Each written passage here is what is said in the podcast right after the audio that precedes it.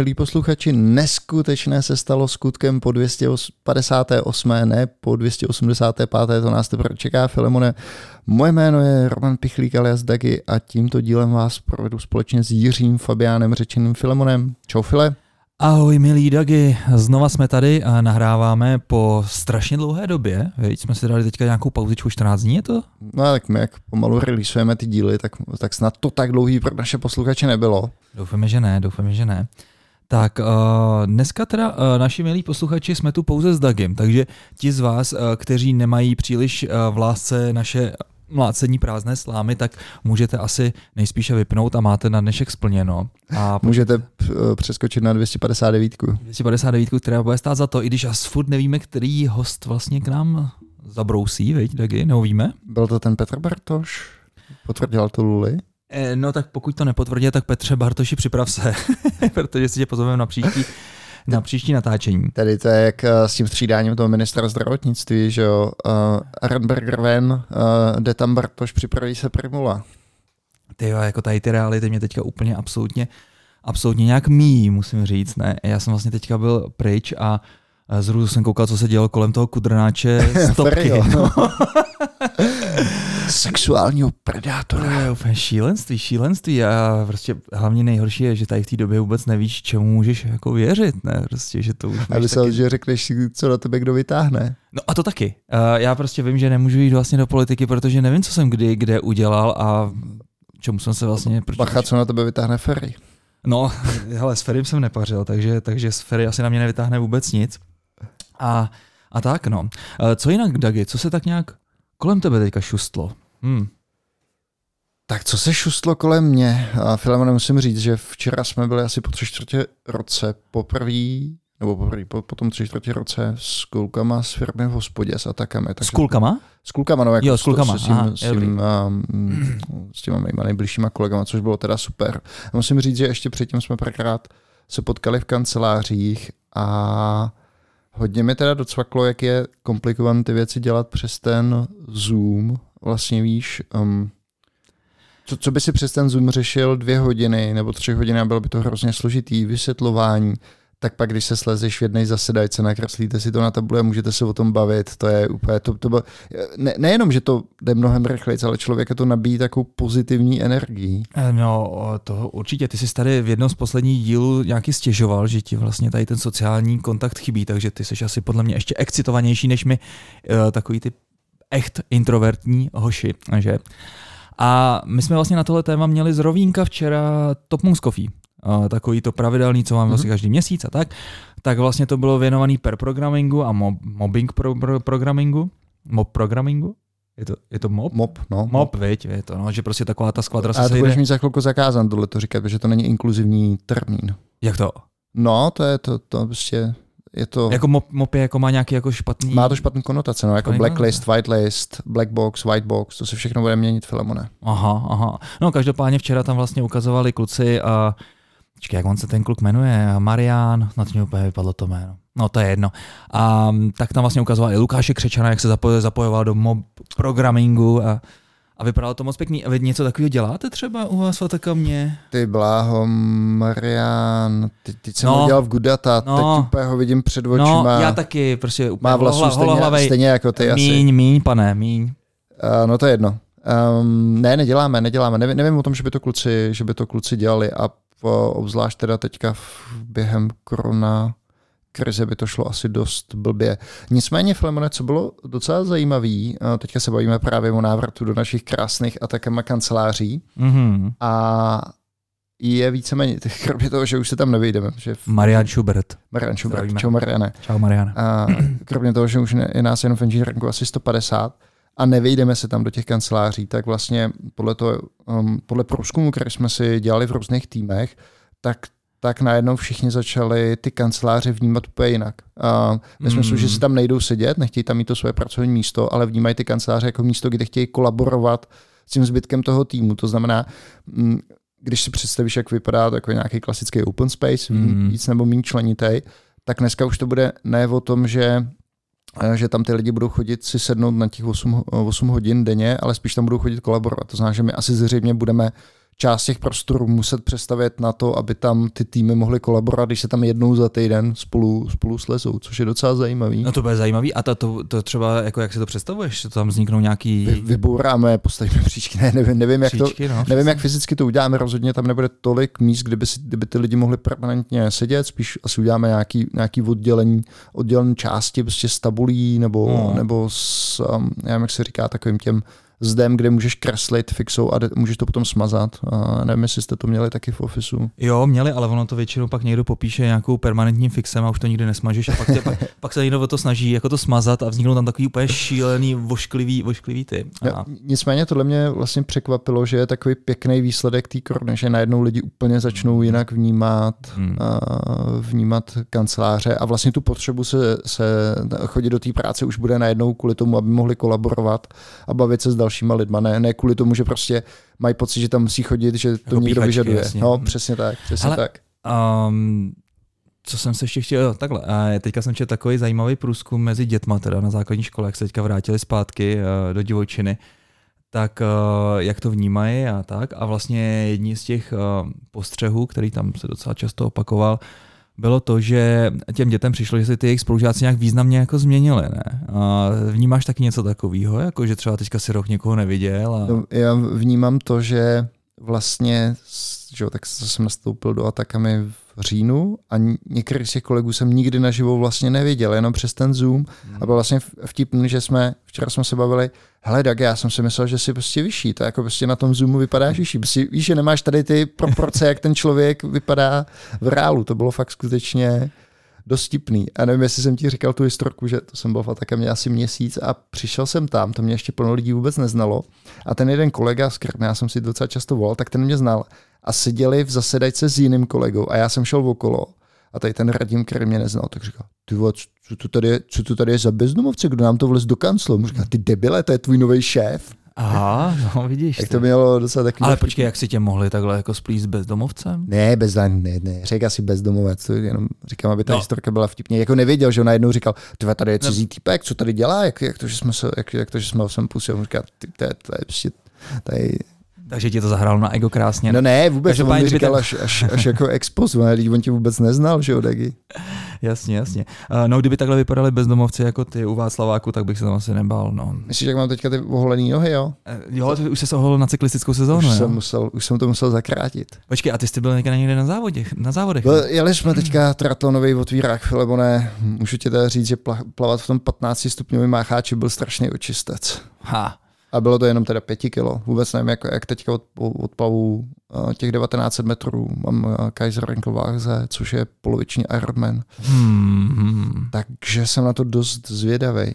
Nicméně pojďme zpátky, pojďme zpátky k tomu návratu do těch kanceláří. Ještě byla jedna, jedna zajímavá věc, že třeba ten, ten um, jeden z mých kolegů, Tomáš Porazil, taky posluchač našeho podcastu, tak říkal, že před koronou jsem si říkal, že bych chtěl dělat ve společnosti typu uh, 37 Signals, že jo, Basecamp mm. a spol. Ale teďka, když vidíme, jak je složitý s někým pracovat, mm. nebo jaký překážky máš na tom remoteu, mm. tak vlastně už bych nechtěl, tak je to moje noční, noční můra, že myslím, že i tady pro dost lidí se právě posunulo to vnímání, mm, vnímání toho, jak ta práce, vzdálená práce může být obtížná. No, tak jako je, pokud je to remote only, tak určitě, ale si myslím, že spíš bude takový ten uh, takový ten mod uh, kom, kombinující oba dva přístupy. Že, no. že vlastně si budeš moci jít do práce, když chceš, když se prostě domluvíte na té kolaboraci, jak ty furt říkáš. A nebo prostě budeš smrdět doma, no. Takže... Já, si myslím, že to je přesně o tom typu té práce, kterou v tom týdnu potřebuješ udělat. Že jo? Když, mm. když, když už víš, co dělat a potřebuješ mít nějaký focus time a další věci, jak to asi můžeš zůstat doma. Mm. Jo, je to vlastně efektiv, i efektivnější z pohledu cestování. A když potřebuješ potom řešit nějaký složitý věci nebo potřebuješ si jenom nabít energii, tak půjdeš do toho ofisu. Že? Mm, to já, jako, já mám asi trošku jiný představy o nabíjení energii, Fakt? než, no, než chodit do ofisu. Jakože se potkáš s někým, pokecáš si o tom, mm, získáš mm, jako no, nový pohled na, jako na ty věci. Mě třeba, mě třeba naše ofisy baví, ale poslední dobou vlastně vnímám, že uh, spíš na mě působí jako energetický výdej, že vlastně ty lidi to hodně využívají vlastně, aby se právě přesně nabíjeli a různě vlastně se pobavili a tak, což třeba doma nemají.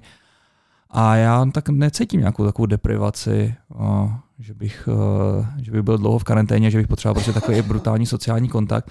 Takže do té práce opravdu chodím spíš jako takovou, takovou fokusovanou prací, nebo jsem chodil, ale teďka cítím vlastně tu změnu toho, že uh, lidi ani moc nerespektují třeba Pomodora nebo podobně a jako hodně, hodně, hodně se tam cítím vyrušovaný. No. Hmm. Tak vzhledem k tomu, že nás je v kanclu pět a půl, tak je to spíš tak, Počkej, oni vlastně normálně Fataka mě asi bambilion, 300, no, přes 300. No. A, a stejně tak, vlastně tam jako pět a půl? No ne, tak my jsme teďka v těch ofisech, my tam, no, my tam no. pořád nechodíme a chodí vlastně jenom lidi, kteří... Že, Čiže máte nějaké rozpočítání lichý sudí? Nebo? Ne, ne, ne, ne my, my, teďka vlastně jsme pořád v módu, kdy říkáme, že do toho ofisu ještě, ještě nechceme chodit, než bude větší proočkování, takže když tam vyloženě potřebuješ, máš máš nějaký takovýhle kolaborativní meeting, kdy ty výhody mm. převažují nad těma hmm. rizikama toho, že by se ten tým mohl nakazit, tak, tak, tak jo, tak si uděláš antigenní test, že to tam máme ústupu, uděláš si antigen a ten tým tam se může potkat, ale, ale víceméně status je takový, že do toho kanclu prostě nechodíme, takže bych si říkal, jo, teďka tam budu chodit každý den. To ještě s tím, s tím čekáme, myslím, že se to začne někdy během prázdnin uh, rozvolňovat a budeme se tam pomalu vracet. Ale samozřejmě, jak, jak jsem ti povídal, uh, bude se měnit ta, ten, ten způsob toho, nebo ten důvod, proč tam budeš chodit. Jo, mm, že to hmm, bude kvůli, mm, kvůli kolaboraci. To vizionář. No. Nicmé, nicméně, uh, co jsem chtěl říct, že i teďka, když tam přijdu a je tam těch pět a půl lidí, tak je to fajn vlastně s někým se potkat, mm, pokecat, mm. jo, takový vlastně hm, potkáš se tam s někým u kafe, on zeptáš se, o co řeší a najednou úplně získáš jinou perspektivu, že jinak mě přijde, že ten člověk dost často žije v bublině, aspoň teda hm, já určitě. Že... Ale stejně to takový furt divný, veď? Že ještě furt nejsme jako úplně v normálu. Jsi už píchnutej? Jo, jo, včer, eh, v pondělí jsem byl. Či kolik ti je? 42. A proč tak pozdě? A kde jsi byl ty? No já jsem byl normálně na to, to tý, v té odvojce a byl jsem tam asi 20. No před odjezdem vlastně do Bosny, tak 21. no. No, tak já ne, já jsem se, já jsem se totiž, eh, jak pouštěli film na naší věkovou no. hranici, tak já jsem se registroval Vinohr- nevím proč, v Vinohradské nemocnici, že manželka měla chytrou radu, ať se určitě zaregistruju tam, ať to mám kousek a tam vůbec týden mi nic nepřišlo, tak pak jo. jsem si to píchnul do O2 Universe a to bylo hned. A musím říct, že mě navočkovali jsem za pět minut, že to fakt bylo blum, bylo, bylo to, byla to zajímavá, zajímavá zkušenost, no. Takový ty kordony těch vojáků, kteří se snažili být za každou, uh, za každou cenu a hrozně milí. A, a oni docela byli takový, tak jsem je i pozdravil a tak. A a jo, bylo to pěkná jako experience, jako pro mě to není tak, že bych se nějak jako třeba úplně covidu bál nebo podobně, ale je to prostě stupenka ke svobodě, no. Takže, je to tak, bohužel je to tak. Bohužel, no. Doufám, že příštím, v příštím sledu nebude nějaký uh, brutální uh, mutace třeba nějakého meningokoka, že by si musel nechat amputovat pravou, pravou ruku, aby si vlastně zachránil celé tělo. Takže vlastně dobrovolně budeme chodit na takovéhle věci. a, ta, ta vakcína je přece jenom ještě v pohodě. No. A, a já, ještě zpátky k těm ofisům, takže si myslím, že se tam začneme víc vracet, až, až bude větší proočkování. To si myslím, mm, že je tak jako mm. měsíc, dva. Ale no to nevím, jako když si podívej třeba na ty Seychelles, tam je na 70% a vir se tam teďka šíří nějak ještě víc. To, to mm. úplně vynechávám zprávy, teda mm. to, jak jsme se bavili mm. o těch energetických vysavačích, tak pro mě to je tak, že třeba na 14 dní úplně vypínám, že víš, že přestávám číst titul, titulky novin a... No, ale mě to vždycky nějak tak jako se úplně dopingne přes ty sociální sítě, který přece jenom... Tak ty si ty úplně vynechávám. Fakt? To, hm, to je třeba Facebook vůbec. No počkej, co mi povídáš, když jsem teďka viděl zase nějakou, nějakou tvoji krásnou žertovnou fotku s, um, s tou z, ze Syrie, nebo co, co, co, co to tam mělo? No jo, a to je jednou za, já nevím, za měsíc, že jo, že postnu takovou... No ale proč to tam dáváš? Nevím, přišlo mi to hrozně vtipný. Ty vynechávači. To já třeba vůbec jako rodinný fotky nedávám. To, na, ne. to. Mm, na socky. Přijde takový hodně osobní. No. A to je jedno. Hele, uh, pokud nemáš už nic tématu, tak ještě jsme tady zapomněli úplně vlastně zmínit naše nové uh, patrony, uh, který... Uh, počkat. Tak, já to než musím najít. A ono se to nějak divně synchronizuje. A máme vlastně asi tři kousky a chvilku vydržte, možná něco ještě taky řekni, než to, než to tady úplně vylovím. Samozřejmě nejenom nový kouskové, ale všichni existující patroni. Moc vám děkujeme za vaši podporu. Ale bohužel na ten Bitcoin se to skládá pomalu. No možná teďka trošku zrychleně, ne? Jsem koukal, že jsem byl nějaký propad. Tři čtvrtě mega, ne? Stojí No, 700, no vidíš, a byl, byl za 13, za 1500, no tak Dagi, teď, teď je ta, teď je ta teď šance. Myslíš, jo? No jasně, jasně. Hele, uh, takže tady máme Libora Prenka, uh, předníka. Uh, Libora, pro mě, já už si nepamatuju, jestli tam máš háček nebo ne, a z Vendava, takže ahoj a děkujeme za 3,14, takže uh, takové Pí. Pí přání na naším směrem, děkujeme. Pak tady máme Honzu Seidla, díky Honzo, tam je to zase krásných 2,56. Uh, a pak tam je Honzu Novotního, který podle mě už jednou, jednou nám něco přispěl a možná to jenom akorát Myslíš, že to je Novoj? Uh, uh, novotňáci. Tak, no, já, tak to je Novoj. To je no- no... novotňáci Gmail, tak je to Novoj. aha, jsou to novotňáci gmail.com, takže, takže zdravíme Novoje, tak Zdravíme Kafe Mlejnek. zdravíme Kafe Mliny, který, teď nějak nevydává. Ne, už asi neexistuje, ne.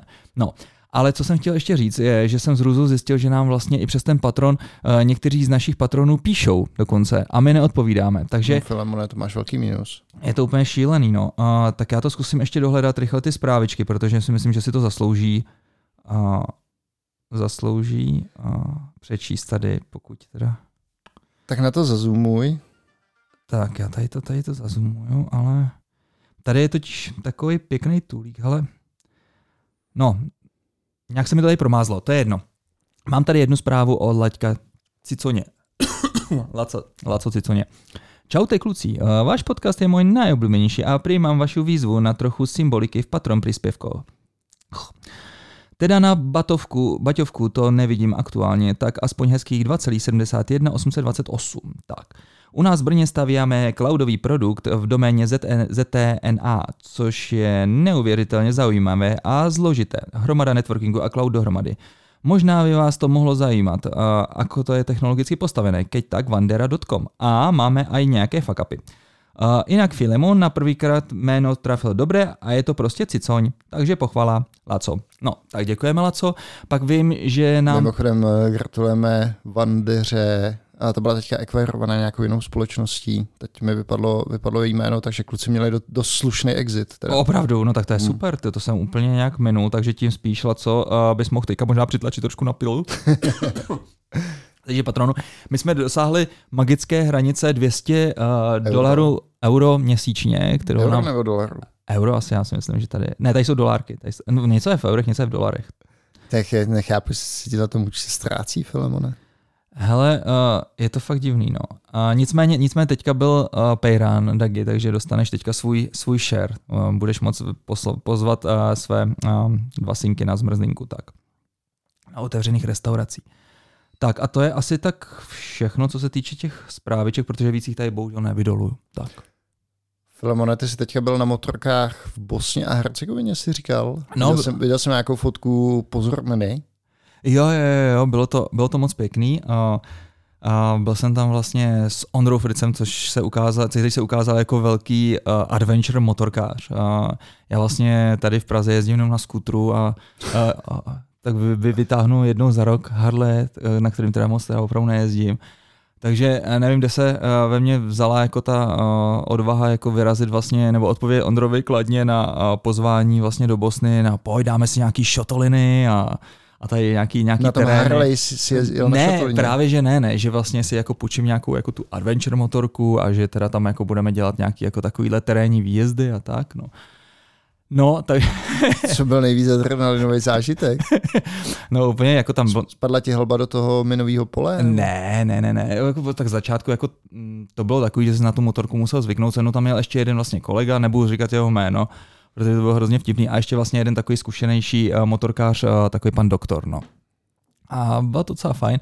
No tak jsme si vlastně půjčili motorky ve Splitu z Chorvatska. jste doletěli do Splitu? Ne, my jsme, tam jsme jeli vlastně autem, protože ty dvě, uh, vlastně Ondra a ten druhý uh, chlapík si vlastně motorku vezli sem z Čech, no. Takže tady jsme na, naložili na ten navozejk a jeli jsme vlastně přes noc do Splitu.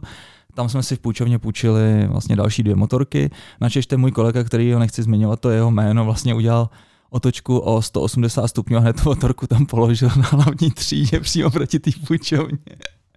No, takže, takže ty půjčovny byli a určitě rádi, a protože ten jejich hlavní biznis je to, že hledají pak škrábance po tom, co to vlastně vrátíš a nechají si to tvrdě, tvrdě zaplatit, což jsme, což jsme samozřejmě zjistili na vlastní kůži.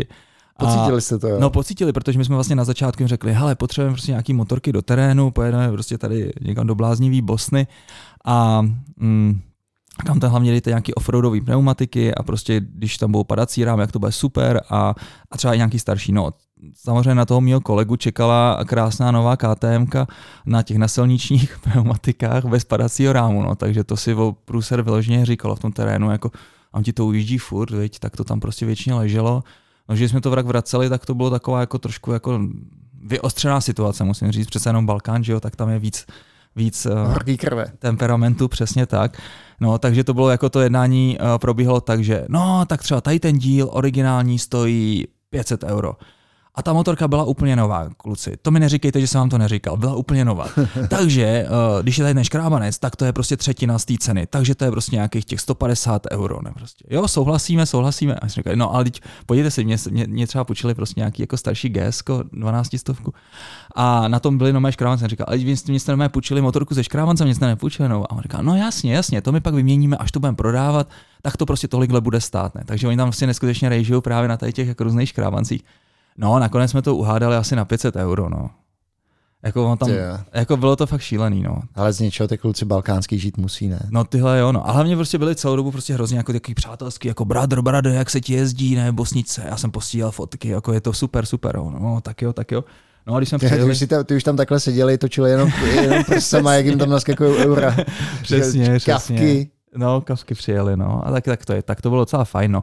No, takže jsme vlastně projeli Bosnu, pak uh, jsme, když jsme byli na jihu, tak jsme dostali hroznou chuť, uh, nebo nás nějak zlákala Černá hora, když jsme tam vůbec nechtěli. I když nás před... Plískavice, jo. No, plískavice, ty, ty, ty byly pořád a čevapy, to je jasný.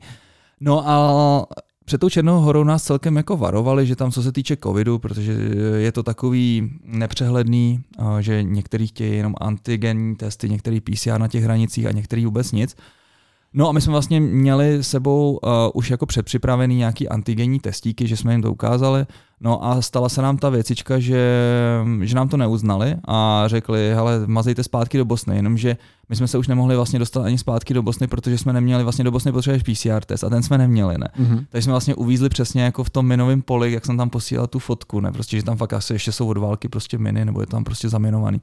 No a vlastně nemohli jsme tam ani tam, že jo, no. Takže to byla taková jako taková pitomá situace, že pak nám vlastně povolil akorát zpátky vlastně tranzit uh, přes Bosnu, to máš nějaký 12 hodin a musí se vlastně tu zemi někam zase opustit. A kam jste to opustili? No my jsme ji opustili zase do Černý hory, akorát, že jiným přejezdem, kde nám to jako zase uznali, což přesně ukazuje, jaký je to covidový šílenství, nesmysl, že vlastně lidi fakt nepřemýšlejí vůbec, no.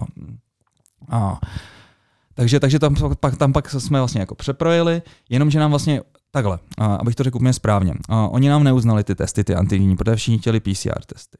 A vlastně jediný, co nám vlastně na těch prvních hranicích chtěli uznat, tak nám řekli, no hele, tak máte, možná vám teda dáme ten tranzit a můžete buď to dojet do Albánie nebo do Kosova, ne? Říkal, ty co budu dělat prostě v Kosovu nebo v Albánii, to je prostě úplně jako docela dost daleko. Tak jsme jako chvilku váhali, No a než jsme si to rozmysleli, tak on nám řekl, ha, víte co, nepustím vám vůbec, vůbec nikam, ne, prostě mazejte zpátky do Bosny. Ještě nám řekl, no nazdar, já nevím, jestli to je jako nějaký uh, nadnárodní slovo, nebo jestli věděli, že jsme prostě Češi, tak prostě nazdar, mazejte, ne. A úplně fakt jako, jako trošku jako fašouni, takový fakt jako nepřátelský byli, ne. No, tak jsme pak přijeli vlastně přes ten druhý přechod, kde nám teda vlastně ten tranzit uznali, řekli jsme, že jedeme do Albánie, že to je nejlepší destinace pro nás. No a vlastně pak jsme nějak zjistili, že jako z Jir... teď se propálil to jméno, s tím mým kolegou, že vlastně do té Albánie už asi nemáme úplně jako sílu dojet, takže jsme se tam nějak rozdělili a my jsme vyrazili do Chorvatska, kde jsme vlastně vtipně zase vlastně neměli ten testík, takže jsme zase museli nahlásit vlastně tranzi na 12 hodin. Nicméně jsme věděli, že prostě v tom Chorvatsku nějakou dobu ještě budeme, takže tam jsme byli nějaký tři, tři, tři, tři dny. No a brali jsme to jako takovou jako chcárnu, že to prostě nějak jako dáme na konci. No, jaký bylo naše překvapení, když na hranicích byl nějaký zásek, já jsem říkal nějaký problém. No, jako máte tady škralupek, to, to vypadá, že, že jste tady spáchali jako nějaký, jako, nevím, jaký přeči, nebo jak to, jak to klasifikovala. No, tak si tady odstavte motorky, ne, prostě, a vypadá to, že půjdete k soudu Dubrovní do Dubrovníku, ne. Říkal, do prdele, ne, prostě, já nechci do žádného Dubrovníku, už jsme měli namířeno do Splitu, asi jako cesta, do, cesta domů. No a pak oni, oni řekli, no tak jako když to nebude prostě Dubrovníček, tak nám můžete tady na místě zaplatit pokutku a vycházelo to asi nějakých tisíc euro, ne, na jednoho. A já říkal, ty to je jenom za to, že nemáš jako podělaný test, aby si mohl, aby si mohl prostě tady projet prostě pár, pár set kilometrů prostě do Splitu a opustit, opustit Chorvatsko, tak prostě zaplatíš takovouhle hrůzu. No ale nešlo to vůbec ukecat. Normálně to bylo fakt absolutně jako bizarní, ne? Že vlastně, jak jsem říkal, no dobře, no tak to zaplatíme. Oni nám pak dali nějaký dvě třetiny z toho. Pak jsem si četl, já jsem, že jsem myslel, že to je jako do kapsy, aby nás prostě jako v tom systému jo.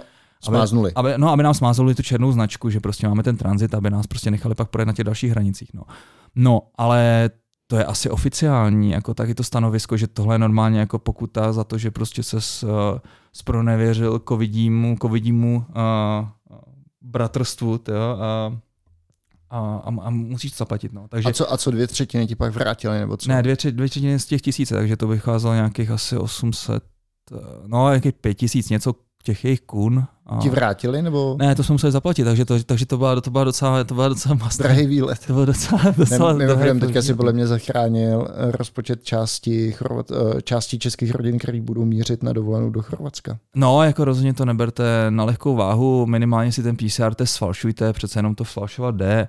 A co tak vím, jako tady mám kamarády, který vlastně jezdí s tím vakcínem Pfizeru vlastně po Evropě. Ono se to vždycky vylodí někde, buď to v Aténách, nebo někde prostě někde ve Španělsku a pak jede prostě ten kamion s, s tou jednou paletou prostě přes celou Evropu sem. Je to fakt hrozně bizarní prostě podnik. No a ty vlastně taky nejsou očkovaný a normálně běžně prostě všichni jsou už zvyklí si ty testy prostě upravit podle sebe, protože tam nejsou žádný QR kódu, nic ne. Takže, takže minimálně tohleto, tohleto udělejte, abyste nemuseli zbytečně takhle platit. No. Um, zajímalo by mě, jestli vlastně třeba na těch hranicích to vnímají tak, že zachránili Chorvatsko před nějakou covidí explozí, to, kterou jsme jim tam chtěli zavíst jo, z Černý hory, no, těžko říct. To netuším, to netuším. No, Takže jsi ne. si, nabil jsi se pozitivní energií. Jo, jo, jo, jinak to bylo ve skrze, ve skrze super. Uh, Bosna absolutně doporučuji. Uh, takový jako a myslím si, že takhle se třeba cítí uh, Němci nebo Angličani, když vyráží na ty jejich uh, drinkfesty sem, sem do Prahy, co se týče cen, protože uh, pivko za 13 korun a prostě všechny ty ceny prostě byly takový krásně pro nás příznivý a parádní příroda, taková mi to přijde jako, trošku mi to přišlo jako třeba devadesátky u nás, možná osmdesátky u hmm. nás, i co se týče domků a prostě to, jak jsou třeba nahozený uh, fasády a tak. No a, a lidi jsou tam milí, takže uh, rozhodně, rozhodně stojí za, za zhlídnutí. Um, Sarajevo pěkný, Mostar, uh, super, takový pitoreský město vlastně v takovém cípu v jeho, na jeho západě. A má takový ten, já nevím, jestli, jestli, jestli, jestli víš, taky to bylo, taky tam myslím, že vedla fronta vlastně no, za tý, za, za jugoslávské války. Byl tam vlastně zničený ten most, takový ten jejich uh, nejznámější, takový no. hodně vysoký, takový, jako, takový Včko, divný nahoru který má který absolutně za UX failovaný, protože je udělaný teďka vlastně z nějakého mramoru, a tím, jak je, má ten sklon fakt šílený, tak uh, pokud nemáš nějakou smirk, no, smirkovou obuv nebo já nevím co, ne, tak prostě z toho fakt sklouzneš. Ty, jako, já jsem měl třeba ty vansky a normálně tam jsou, tam jsou taky vlastně záseky na tom, aby vlastně ty lidi neklouzali, ale stejně i přes ty záseky normálně ty jako sklouzneš. Takže fakt je to mostík uh, pár excellence. No. A dobrý je to, jak je teďka vlastně, jako tady třeba nadá na ten covid, mě to je úplně celkem už jedno, ale uh, jeden, jednu, jednu výhodu to má, že tam běžně jsou brutální davy turistů a teďka jsme vlastně si tam krásně chodili jak páni. Hmm. Paráda, no. No a Černá hora, taky, taky, taky super země, no. A ty, teďka jsem četl, že nevím, jestli to byl, co tam chtějí zprivatizovat ty Číňani, že jim tam staví dálnici a Černohorci se upsali, uh, oni žádný přístav nemají, že jo? Nebo je tam nějaký přístav? No, to nevím, to... jestli mají přístavy, ale mají normálně, jako mají nové moře. No, tak já, myslím, že, že tam za výstavbu dálnice normálně Číňanům upsali jeden tady z těch přístavů. Je to takový uh, klasický modus operandi čínský. Fakt. No jasně. A nebo to v Řecku? Ne, ne, no v Řecku taky je to, v Řecku taky Číňaní někde, já, si, já nevím, jakou infrastrukturu staví, ale oplát, op, na oplátku. Byť to, když já nevím, jestli to bylo tak, že zaplatili rovnou, anebo, nebo tam byly nějaký penále z prodlení a který vedli potom eh, k dohodě o tom, že jim propadnul jako přístav. Připadnul, tak to je, tak to je síla. Což se Číňanům moc jako hodí. No. No a jako tam by se ti ta výstava silně, silně vyloženě líbila. No. My jsme vlastně jako eh, překročili hranice a strašně se nám hodil ten kurz vlastně jízdy v té šotolině z Bosny, protože tam vlastně jsme normálně skončila silnice, taková nádherná asfaltová No, tam byly jako dva pární válce, kolem kterých si fakt stěží přejel a fakt jako brutální štěrkne, takže si neumím představit jako člověk, který třeba neumí na té motorce moc jezdit, tak měl fakt jako 10 km problém prostě překonat, no. Takže možná to je ta dálnice, která, která je nakonec stála ten přístav. um, Tak jo, Filemone, co v poslední době si četl zajímavého? Četl si něco? Tyva, zase to byly asi nějaký komiksíky, no. To... Ale teď si nějak vůbec nevybavuju. Já jsem teďka, doš, ke mně došlo nějaký rozežeč, tu asi tři nebo čtyři uh, paperbacky jako knížky, knížky dohromady a taky poslouchám dvě nebo tři audioknížky přes sebe. Proč, proč to čteš najednou? Probo? No já nevím, prostě tak podle toho, čo, nebo nevím, vím, podle toho, na co mám náladu, že jo. Jo, jo, jo. Ale tak jo, no, tak já tam teďka mám vlastně toho Neuromancera, na to se těším. Vlastně teďka vlastně příští týden budu pryč. To je od Teď mi vypadlo jméno Gibson. Toho, Gibson, Gibson. Mm. Nečetl jsi ho? Ne, ještě jsem ho nečetl. No. Mě to, já jsem to četl, to je určitě 15 let zpátky, no. možná 20. No. Přišlo strašně je... Divný? Divný, no. Fakt? Mm. No tak jsem zvědavý. Jako já teda nemám ten český překlad od Ondřeje Nefa, Nefa ale a, přím anglický originál, tak uvidím. A je to celkem hubená knížka, takže snad mm. to, to, nějak, to nějak přežiju. No. Takže čteš Neuromancera, nebo se k němu dostaneš? No, no, no, do toho, do toho různý ty svoje tao a rozjímáníčka, takže. Já jsem teďka doposlouchal Spotify. Což je? to nejde, to nejde. Už, už, už. A vlastně ta knížka vydal opět Jan Melville. A je to vlastně historie taková Spotify jako takový firmy, jak to vlastně založili, jo, je, je. jak to probíhalo aha, a byl to pro mě velmi příjemný nebo příjemný takový flashback do minulosti. Já nevím, jestli si vzpomínáš, jak se, jak se před nástupem tady těch streamovacích služeb kradla hudba, nebo jak, jak se běžně s hudbou nakládalo, že to byly MP3, které někdo musel vyrypovat, ty jsi to víc nebo méně legálně, teda spíš nelegálně, stáhnul Aha. a pak to šířil a vlastně tam popisují, jaký Spotify, a jak byly ohroženy prostě Applem, co všechno dělal Steve Jobs pro to, aby vůbec Spotify neprorazilo, že mm-hmm. tam hlavně běželo o americký trh, že jo, a jestli si vzpomínáš někdy, ono to bylo tak, ta, ta, ta historická linka byla, že nevím, jak, jak hodně díky piráctví prostě začalo nahrávacímu průmyslu padat zisky. Mm-hmm. A, a vlastně začalo se to otáčet, nebo minimálně to, ten, ten decline přestal ve chvíli, kdy, kdy Jobs uh, kdy Jobs představil iTunes, že, což byl vlastně obchod s hudbou mm-hmm. a, a pak vlastně do toho začaly nastupovat tady ty streamovací služby jako Spotify mm. a, a Jobs proti tomu hrozně prostě uh, brojil, prostě říkal, no to prostě jako nejde, tak takhle, abyste, abyste vy nahrávací společnosti uh, to, tohleto streamování podporovali, to úplně kazí vlastně uh, tu hodnotu toho uměleckého díla, který ty umělci vytváří. Byl to jsem byl, byl úplně brutálně brutálně proti tomu a no, tam je to teda podané v nějakých širších souvislostech. Jediná škoda je, že to nebyla, že ta knížka nevznikla na základě výpovědi těch zakladatelů toho Spotify, Aha. ale ty novináři to napsali jenom na základě toho, co bylo veřejně někde řečeno, že prostě aha, udělali, udělali nějakou researchi, research kolem toho. A co, co mě tam ještě zaujalo, um, vlastně jak to, jak to stavili, že do Spotify najeli nějakého týpka, pamatuješ ještě uTorrent, toho, toho, toho klienta torrentového. Mikrotorrent. Jo, jo, jo, jo, jo, jo, jo, přesně tak, no. mikrotorrent. No. Tak to napsal nějaký švéd a oni vlastně hned od začátku říkali, hele, to musí, aby, aby streaming hudby fungoval, tak ten, ten uživatelský prožitek, ten je drivovaný tou rychlostí, mm. kdy máš než tlačítko play, úplně random si vybereš jakoukoliv písničku a ta, ta, tu ti to začne hrát. Mm. No a právě vzali tady toho týpka, který koupili od něj jako microtorrent mm. a součástí toho dílu vlastně bylo, že pro ně začal vyvíjet technologii pro streamování, streamování hudby. A, tak to, to bylo docela zajímavý. Mm, vůbec jak fungoval, člověk si uvědomí, jak hodně tam hrála roli, ne to vlastně technické řešení, ale to, že museli vyjednat smlouvy s těma nahrávacíma no, studiama. Umělci, jak proti tomu strašně, mm. strašně brojili, že třeba řekli, mohli úplně zakázat, zakázat, že ta jejich hudba najednou na Spotify nemohla být. No to se furt děje, že jo? Pak, pak co jsem vůbec nevěděl, že uh, Spotify třeba z části těch nahrávacích společností měli postavený ten model že když budeme hrát vaši písničku, tak z toho máte nějaký, mm. nějaký peníze. To, jak vy si to prostě rozdělíte těm umělcům, to je vaše věc. Jo. No a Spotify má hodně takový ty, že ho playlisty, který ty posloucháš. No a v určitou chvíli vlastně Spotify jako došlo, že když začnou měnit určitý typy písniček za eh, řekněme, za ty low-costový umělce, za nějaký prostě jo, jo, jo. Indie, uh, indie, indie indies, indies, no. takže na tom vydělají, tak najednou prostě úplně to mělo ten efekt, že týpek, o kterém nikdo nikdy nevěděl, tak najednou 10 milionů přehrání písničky jenom protože ho tady chytře zamixovali do toho playlistu a tím potom uh, ušetřili na poplatkách tomu mm-hmm. nahrávacímu biznesu. Bylo to zajímavé třeba, že jo, uh, konkurence, která tam byla, taky bylo vtipný jeden známý, známý muzikant, teďka nevím, kdo to, kdo to byl, někdo jako Sting, ale to je vlastně jedno.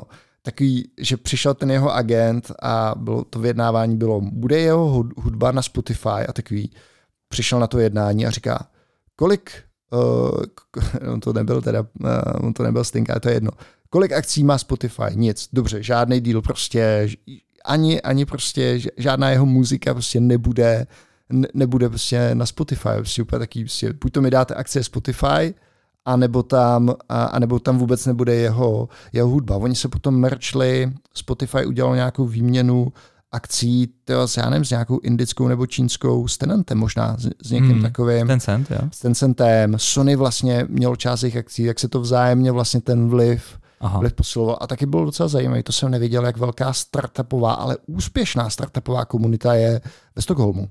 Hmm.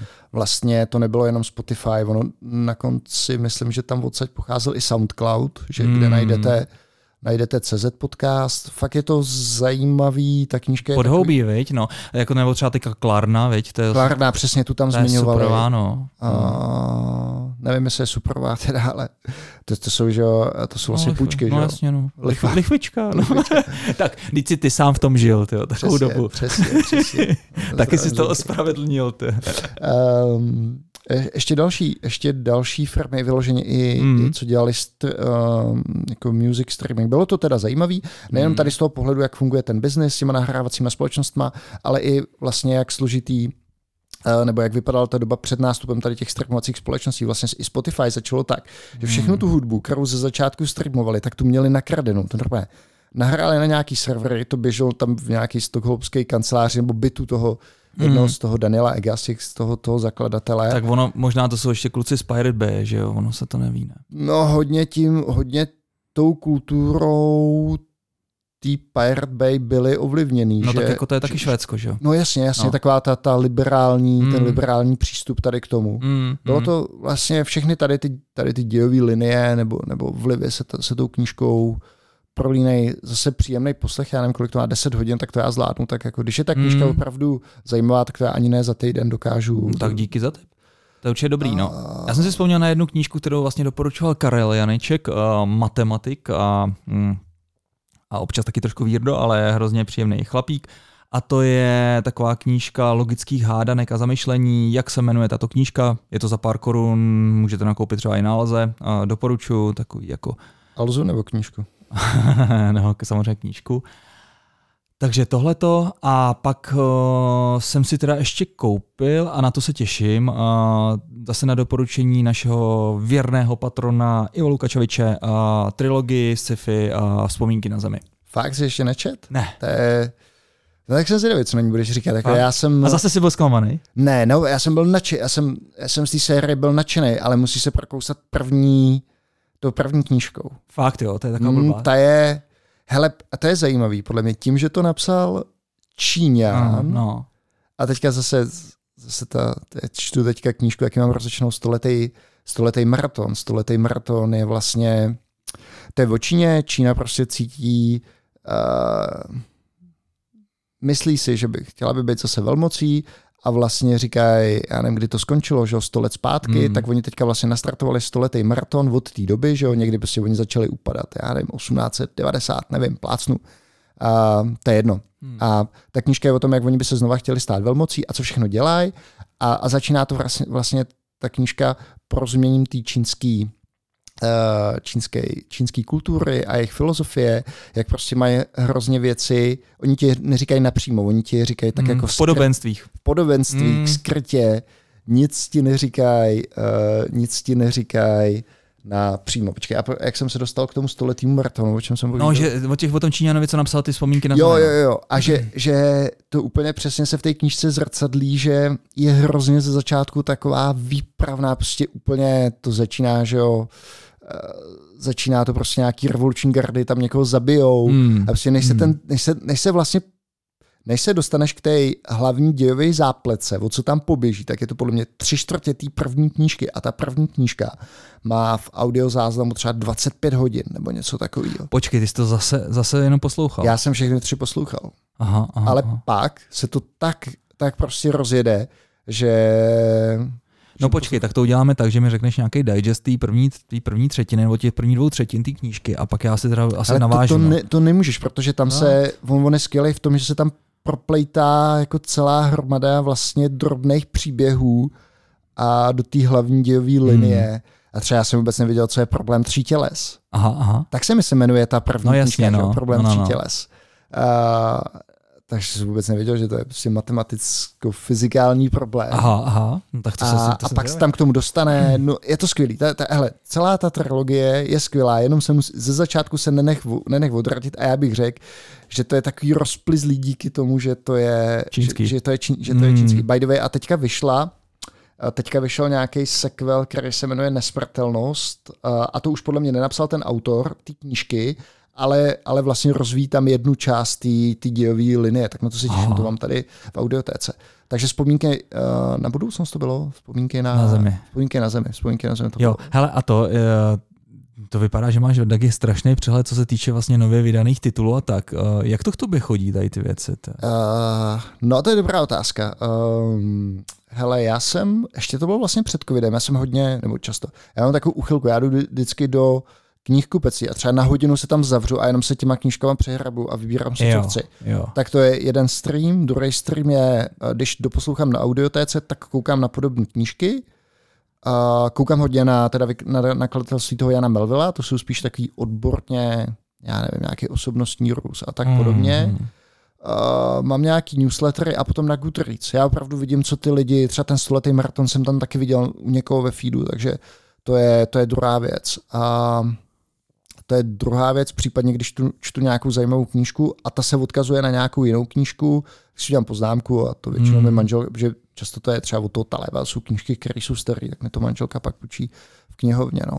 Jasný, jasný. Eh, eh, Mimochodem, taky knížku, kterou jsme tady zmiňovali v podcastu, mám za sebou s Davidem Pavlíkem, že jo, ze Shipmonks, to bylo pravidlo žádných pravidel o kultuře Netflixu. Aha. To bylo zvláštní, nebo ta knížka byla dobrá, ale dobrá v tom, že kdyby si vzal jakýkoliv, v podstatě to, to pravidlo nebo ten kulturní atribut toho Netflixu, který vede k tomu, že tam nemá jako skoro žádný pravidla, tak to nepřeneseš. To je prostě neaplikovatelný kdekoliv. On je to spíš takový framework, jak celou tu firmu řídí a, a umožňuje jim to škálovat. Ale taky to bylo zajímavý uh, poslechnout. A tuhle bych třeba doporučil pravidlo žádných pravidel dohromady s, s Radical Candor, s toho. radikální upřímnost. otevřenost, protože A. jedna součástí tý, z těch Netflixových pilířů, která jim umožňuje, jeden z těch pilířů, který jim umožňuje to nemít nemít žádný pravidla, je právě jako radikální otevřenost, tam je prostě nastavený nějaký feedback loop Hmm, a, hmm. a to, je, to je prostě to je prostě jako drsno. No. Jo, stejně to je, jak, jak, jsi, jak jsi řekl správně, jo? Ty si to přečteš a stejně to je ve v podstatě nepřenositelný.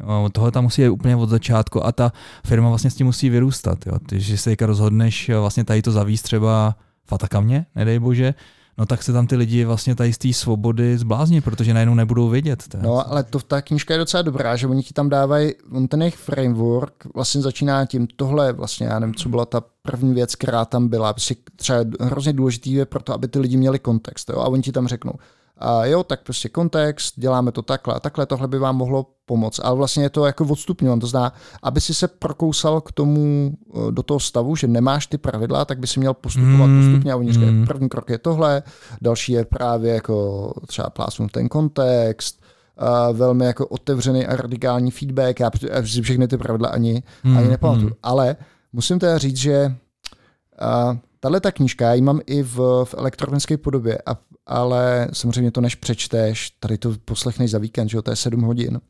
A já to poslouchám ještě na tu dvou a půl násobnou rychlost, tak to jsou tři hodinky, to je, Čiponkové. to je, to je, to je nic, ale já to často dělám tak, že si poslechnu tu audioknížku a potom k tomu mám ten paperback nebo tu elektronickou, kde si to potom vyhighlightuju a často tady ty knížky od toho Melvilla mají vlastně u té, možná, že to mají originálně u těch autorů, to vlastně nevím, No. mají ty highlighty ke každé kapitole, takže ty potom si stačí, že si v tom paperbacku nebo v té elektronické podobě si už koukneš jenom na highlighty té No.